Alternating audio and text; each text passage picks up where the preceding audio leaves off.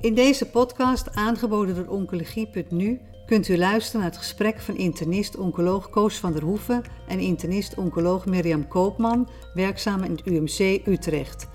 Aan bod komen de laatste ontwikkelingen met betrekking tot de behandeling van het rectum- en colorectaal carcinoom, gepresenteerd tijdens de ASCO 2020 Virtual.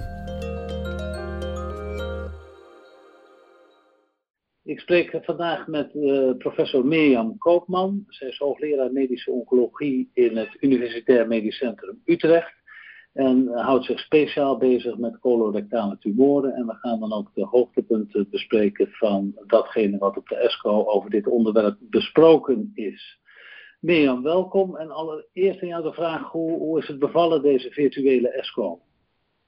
Ja, uh, nou het is toch heel wat anders dan uh, live aanwezig zijn. Ik moet zeggen dat het voordelen heeft dat je in je eigen tijd uh, in alle rust zelfs de presentatie stop kan zetten tussendoor. Um, maar wat wel echt jammer is, is natuurlijk de discussies die je vaak al tijdens en vlak na de sessies hebt. En dat is ja. wel echt een gemis. Dus ik hoop niet dat dit de standaard gaat worden, eerlijk gezegd. Nee, nee, want de discussies over wat je er nou in Nederland mee moet en of de studie goed of niet goed was, dat zijn toch altijd de dingen die, die, die extra zijn bij zo'n congres. Nou, we gaan ja, proberen ja. om het toch door te nemen. Ik wilde beginnen bij het rectumcarcinoom. Uh, wat een, een, nieuwe benadering de laatste jaren is, dat is de zogenaamde wait-and-see. Nadat patiënten een, een voorbehandeling met chemoradiotherapie gehad hebben. Wat kan je daar op dit moment over zeggen? Ja, op deze ESCO was wel een aardige studie, um, de Oprah Trial, waarin ze dus ook um, hebben gekeken van uh, in, in verschillende regimes. Kun je nou inderdaad na een behandeling um, met chemoradiatie gecombineerd met chemotherapie. En dan was de volgorde in beide armen anders. Dus de ene arm kreeg eerst de chemoradiatie en dan de combinatie chemotherapie en in de andere arm was dat andersom. En vervolgens werden patiënten gerestadieerd en werd gekeken, um, hebben ze een complete pathologische respons? Zo ja, dan werd de, zoals wij het noemen, de wait-and-see gebruikt. En als er geen klinische respons was, dan kregen patiënten alsnog een TME. En de controlearm was eigenlijk de historische controles uit andere studies, waarin chemoradiatie en TME werd gegeven. Ja, en wat wel aardig is, is dat er toch een, een flink aantal patiënten in aanmerking komt voor die wait-and-see. Ze hebben het zelfs over ongeveer de helft van de patiënten uiteindelijk die daarvoor in aanmerking kan komen. En de grote vraag is nu, um, wie kunnen we vooraf selecteren? Hè, dat je beter kan inschatten voor wie is dit nou een goed beleid en voor wie niet.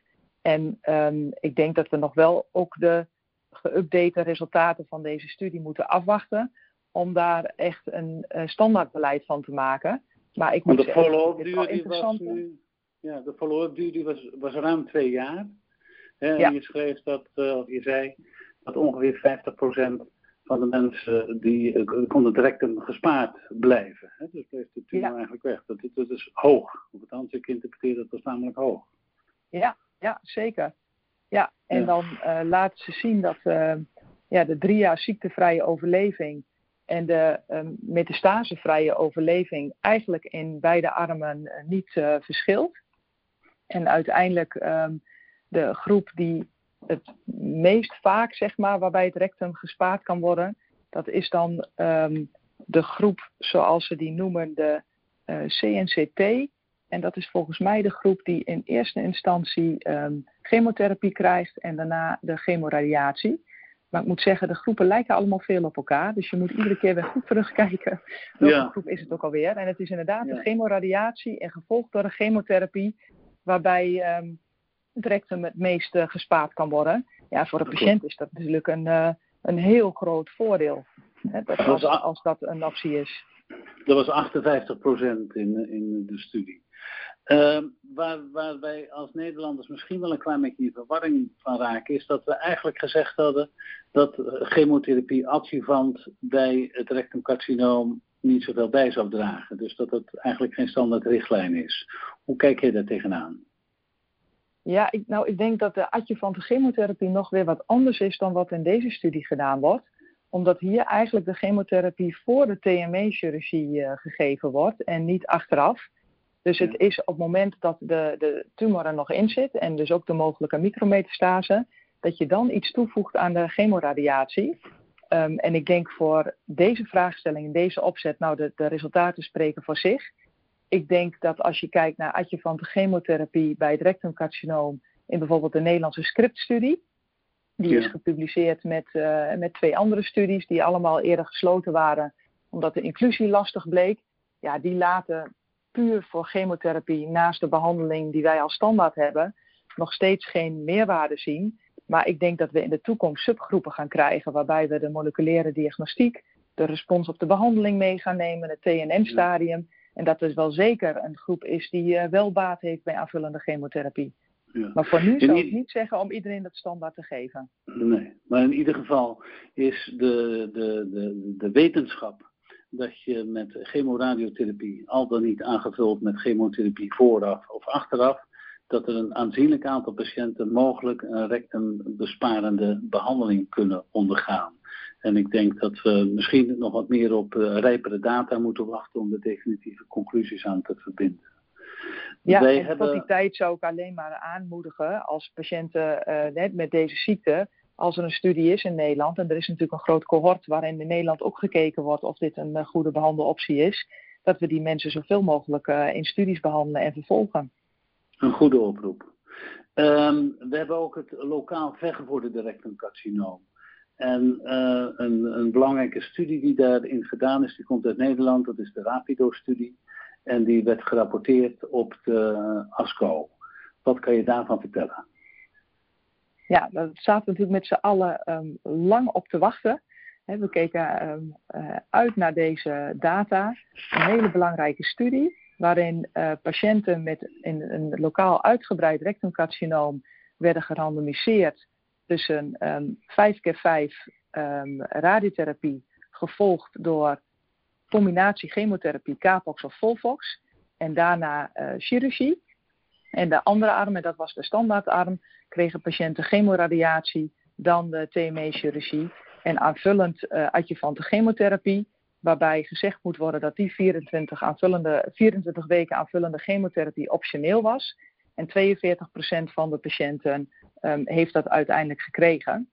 En het primaire eindpunt van de studie was de ziekte-gerelateerde behandelfailure. Um, en de studie liet een significant voordeel zien voor de, um, voor de onderzoeksarm, waarin dus patiënten um, de gecombineerde behandeling kregen. Ja, en de resultaten zijn toch wel indrukwekkend met een disease-related treatment failure, zoals we het genoemd hebben, in de standaardarm van 30,4% en de experimentele arm 23,7% met een hazard ratio van 0,75. En als je dan gaat kijken naar de afstandsmetastase, dan zie je in de standaardarm um, uh, 26,8% en in de experimentele arm 20% ook weer een significant uh, verschil. Dus indrukwekkende resultaten. Pathologisch complete remissie werd ook gerapporteerd bij operatie. Maakte dat verschil tussen de twee groepen? Ja, ook dat uh, maakte verschil. En um, in de experimentele arm zagen ze 28,4% uh, met complete remissie. En in de standaardarm 14,3%. Dus ook echt een groot verschil. Oké, dus uh, eigenlijk een groot verschil in, het, uh, in, in de, de, vooruitzichten. Het was een robuuste studie met heel veel patiënten. Uh, ja. Is het nou zover dat we, je wil natuurlijk altijd volle vijf jaar en tien jaar en vijftien jaar, maar is dit nou zover dat we dit tot standaardbeleid kunnen verheffen? Ja, een goede vraag. Want wat ik een beetje gek vind, en dat vinden ze zelf ook gek, als je kijkt naar de overall survival van de twee armen, dan is die eigenlijk zo goed als overlappend. dus de overall survival in de experimentele arm is 89,1% en de standaardarm 88,8%. De vraag is of, dat, of daar voor de follow-up al lang genoeg is of dat dat nog verandert. Um, en daarbij moet gezegd worden dat dat niet het primaire eindpunt was uh, van de studie. Als je dan gaat kijken naar andere studies met een vergelijkbare opzet, en een Poolse studie is in 2019 gepubliceerd, dan laat hij eigenlijk wel vergelijkbare resultaten zien als onze uh, Rapido-studie. Dus ik denk zeker bij patiënten waarbij je een, een pathologische respons uh, nastreeft. En ja, dat sluit ook weer een beetje aan bij de vorige studie die we bespraken. dat deze 5x5 gevolgd door chemotherapie en dan TME een, een hele goede eh, behandeling is. En ik ben heel benieuwd wat de discussies straks in Nederland gaan opleveren. Of we dit nu standaard gaan doen bij deze groep patiënten. Of dat we toch kiezen om het bij een deel van de patiënten te doen uh, met een bepaald doel, zoals ik net zei, een complete pathologische respons. Het lijkt erop dat je het in ieder geval niet verkeerd doet als je die experimentele adem gebruikt. Maar uiteindelijk willen we ook een uh, betere overleving hebben. En daarvoor waren de data eigenlijk nog niet uh, rijp genoeg. Daar moeten we nog even op wachten. Maar ja, en misschien zit het wel in de, in de vervolgbehandeling. Hè? Dus dat je inderdaad, kijk, je, je hebt minder metastase op afstand. En uh, die ziektevrije overleving is beter. En dat het hem zit in de vervolgbehandelingen. En dat dat dus niet echt iets zegt over die primaire behandeling. Ja, en als dat zo is, dan moet dit gewoon een nieuwe standaard worden. Ik wilde gaan naar een ander onderwerp. De immunotherapie bij het colorectale carcinoom. En dan vooral bij de patiënten die een microsatellietinstabiliteit hebben of een andere stoornis in de uh, DNA-repair. Er was een presentatie over de Keynote 177-studie waarbij pembrolizumab bij deze patiënten werd voorgeschreven. Wat waren daarvan de resultaten? Ja, dat was natuurlijk wel het allerbelangrijkste nieuws zo'n beetje. In de plenary session hebben we ook lang op moeten wachten. Gerandomiseerde fase 3-studie voor patiënten met een MSI gemetastaseerd colorectaal carcinoom zonder um, resectabele mogelijkheden. En ze werden gerandomiseerd tussen pembrolizumab monotherapie versus chemotherapie combinatieschema's, zowel Volvox als Volviri werd geaccepteerd. En dan in combinatie met ofwel bevacizumab of cetuximab. En dat mocht uh, de arts zelf bepalen. En het, um, de primaire eindpunt uh, van deze studie was de progressievrije overleving. Het was eigenlijk een gecombineerd uh, primair eindpunt met ook de responsrate. En dat liet een indrukwekkend verschil zien met een progressievrije overleving in de um, pembrolizumab-arm van 16,5 maand en in de chemotherapie-arm van 8,2 maanden. Met um, ja, significant uh, verschil. Dus prachtige resultaten voor het eerst in de eerste lijn monotherapie um, met pembrolizumab voor die MSI-patiënten. Heb je misschien ook nog de data na twee jaar, twee jaar follow-up? Want die, die verschillen waren ook groot. Ja, als je kijkt naar de, naar de duur van de respons, die bedoel je denk ik, uh, van uh, bij 24 maanden, dan is dat voor de Pembro 83% en voor de chemo uh, 35%. Dus ook weer echt een heel groot verschil. En de mediane duur of respons is nog helemaal niet bereikt voor de Pembro-arm. Dus daar, hoewel die voor de chemo-arm 10,6 maanden was. Ja, dus hiervan kunnen we eigenlijk zeggen dat als patiënten deze ziekte hebben, dat het heel erg gerechtvaardigd is om, om alles te doen om deze behandeling te, te krijgen voor deze patiënten, denk ik. Ja, en als je kijkt, alle subgroepen hebben ook baat. Het enige waar je misschien iets kan zeggen, hebben ze wel hè, net iets minder dan bij de rest, zijn de patiënten met een KRAS-mutatie binnen de MSI-groep. En wat ik opvallend vind, is dat er ook een deel van de patiënten toch meteen al progressie van ziekte heeft na de pembrolizumab-behandeling want als je naar de overall response rate, die is veel beter in de Pembro-arm. Maar als je puur naar progressie van ziekte kijkt, was dat 29,4% in de Pembro-arm en 12,3% in de chemo-arm. Dat ja. betekent dat er dus 30% van de patiënten uh, met zo'n MSI-tumor zijn die niet responderen. En ik denk dat het de uitdaging wordt om te kijken wie dat zijn, zodat we die ja. mensen niet onnodig behandelen. Maar ik, uh, ja, dit voldoet aan de PASCO-criteria. Als we naar de PFS kijken, OS is er uiteraard nog niet. Dus ik, uh, ik hoop van harte dat we nu eindelijk die immunotherapie voor die MSI-patiënten ook in Nederland standaard kunnen geven. Denk je dat die in Nederland, die patiënten, allemaal geïdentificeerd worden? Ja, de terechte vraag. Nee, wat we uh, zien, we hebben ook veel onderzoek gedaan met de, binnen PLCRC, de Nederlandse kankerregistratie. En we zien nog steeds dat bij een groot deel van de patiënten MSI überhaupt niet bepaald wordt. Ondanks dat het eigenlijk wel wordt geadviseerd in de richtlijn, hè, zowel RAS, BRAF als MSI. En ik denk met deze data hoop ik dat alle oncologen in Nederland bij patiënten die in aanmerking komen voor een behandeling, dat meteen vooraf aan de eerste lijn systeemtherapie gaan testen, zodat patiënten de juiste behandeling kunnen krijgen. Heb je nog een, een voorstel hoe we dat voor elkaar kunnen krijgen? Behalve dan dat ja. je de mensen daartoe oproept? Ja, ik uh, heb ook al zo zitten denken, hoe kunnen we mensen nog meer bereiken dan dat we nu al doen? Um, mailing, op uh, Continuum, post-ESCO, op presentaties, om maar zoveel mogelijk mensen uh, te kunnen een, bereiken. Zou het een prestatieindicator moeten zijn? Dat als je ja. dan, dan niet ja. rapporteert, dat het gewoon duidelijk is?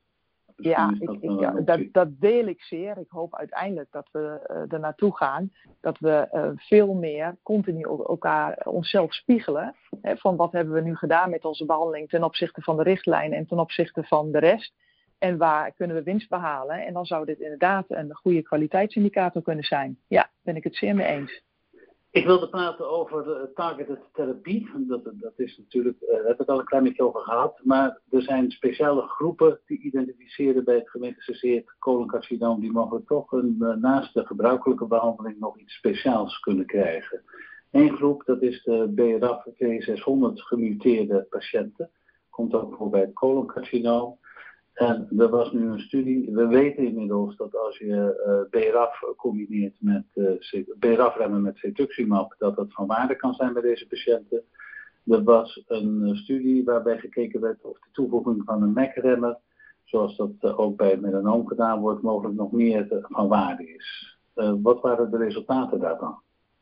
Ja, en dan hebben we het over de Beacon-studie en de geüpdate resultaten met een zes maanden langere follow-up die werden nu gepresenteerd, want de studie is al gepubliceerd in de New England Journal um, in het afgelopen um, half jaar.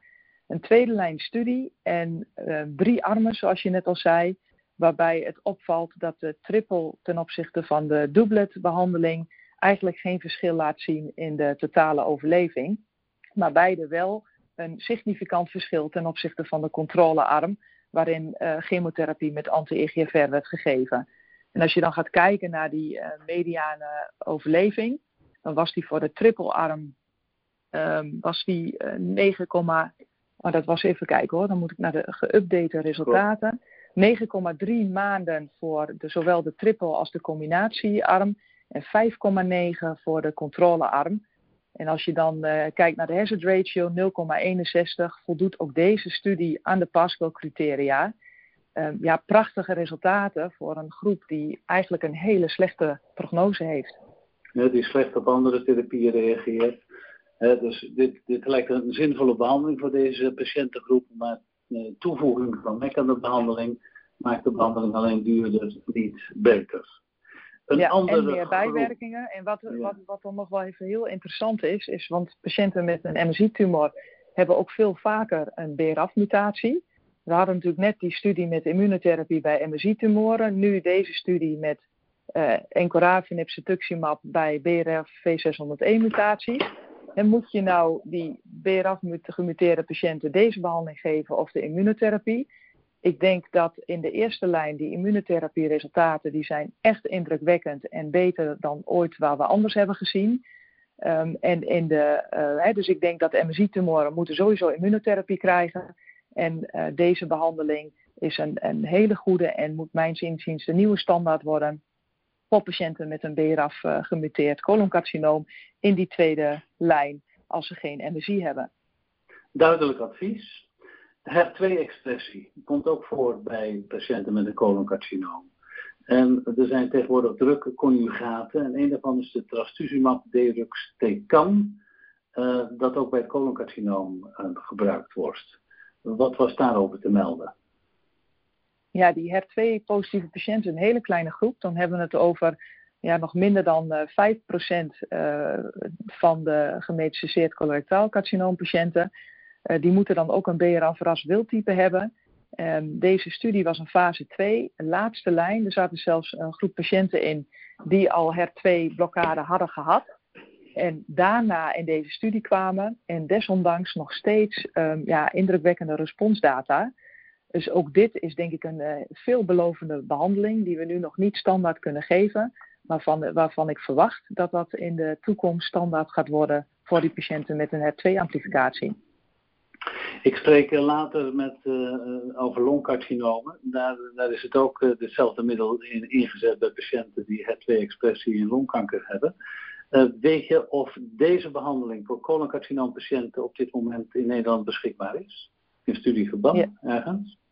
Nee, deze, de, bij mijn weten is deze behandeling nog niet in studieverband uh, verkrijgbaar. Je kunt wel, en dat geef ik altijd als advies, als patiënten alle standaardbehandelingen hebben gehad en ze hebben een ras BRAF wildtype, test op HER2 is die inderdaad geamplificeerd, dan kun je in de drup een behandeling krijgen met uh, HER2-blokkade. En het kan me zomaar voorstellen dat deze behandeling daar in de toekomst ook uh, terechtkomt.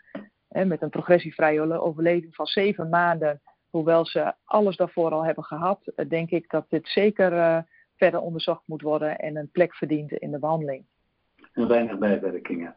De ouderen die krijgen op alle congressen steeds meer aandacht. En een van de vraagstellingen bij de ASCO was of je patiënten met een, een combinatie chemotherapie kan behandelen bij het gemeente zitten uh, coloncarcinoom. Of dat je je tot 50 uur alleen moet beperken en of dat verschil maakt. Uh, wat heb je daarover als opinie? Ja, de PANDA-studie, Italiaanse studie, eerste lijnsfase ehm, Drie was het volgens mij, maar dan met Volvox plus panitumumab versus 5FU plus panitumumab. Dus er zat geen uh, monotherapie-arm bij. Eigenlijk jammer, want ik denk dat we allemaal ook graag die anti-IGFR als monotherapie zouden willen geven aan uh, de oudere patiënten. En wat deze studie uh, liet zien, is dat um, de twee armen eigenlijk een uh, primair eindpunt was de progressievrije overleving. dat ze een vergelijkbare PFS hadden. Waarbij het uiteraard zo is dat 5FU met panitumumab minder bijwerkingen geeft dan wanneer je ook nog oxaliplatin moet toevoegen. En um, ja, ik denk dat het een interessante behandeloptie is. Ik ben bang dat dat met deze data nog niet voldoende zijn om dit als standaard te gaan gebruiken. Um, maar ik, ja, ik hoop dat dit verder onderzocht wordt en uh, dat we inderdaad uh, een, een mildere behandeling voor onze oudere patiënten erbij gaan krijgen. Dat zou mooi zijn. Um, in de hele oncologie praten we over de-escaleren. En enkele jaren geleden bleek dat het mogelijk zou zijn om adjuvante chemotherapie na operatie voor het coloncarcinoom uh, van kortere duur te laten zijn dan de acht kuren of de, nou ja, de, langere tijd die we voor die tijd gaven. Er was bij de ASCO dit jaar een update van de IDEA-studie. Uh, na 72 maanden follow-up. Zijn die resultaten nog steeds zo goed? Is het verantwoord om maar een kortere periode adjuvante therapie te geven? Ja, ik denk uh, dat de data van de IDEA-studie nu zelfs nog uh, duidelijker zijn. Uh, het was wel geestig als je Alberto Sobrero liet de overall survival zien. Waarbij je echt goed moet kijken om te zien dat er echt twee curves staan. Dus de curves van de drie en de zes maanden voor deze totale overleving met een langere update, uh, die lopen volledig over elkaar heen. En eigenlijk um, laten ze in de subgroepen zowel voor Volvox versus Capox als de hoog versus de laag risico zien dat in alle groepen um, drie maanden prima is, uh, net zo goed als uh, zes maanden. De enige waarvoor dat misschien niet geldt, is de hoogrisicogroep die Volvox krijgt waarbij je dan um, rekening moet houden met een uh, ongeveer 2,5% verlies op de totale overleving in de totale groep. Waarbij zowel de discussant als de presentator zegt van ja, dit uh, kan je met je patiënten bespreken. Maar als je kijkt naar de hoeveelheid toxiciteit die erbij komt met zes maanden behandeling, is eigenlijk het advies om alle groepen stadium 3 coloncarcinoom drie maanden behandeling aan te bieden met Capox.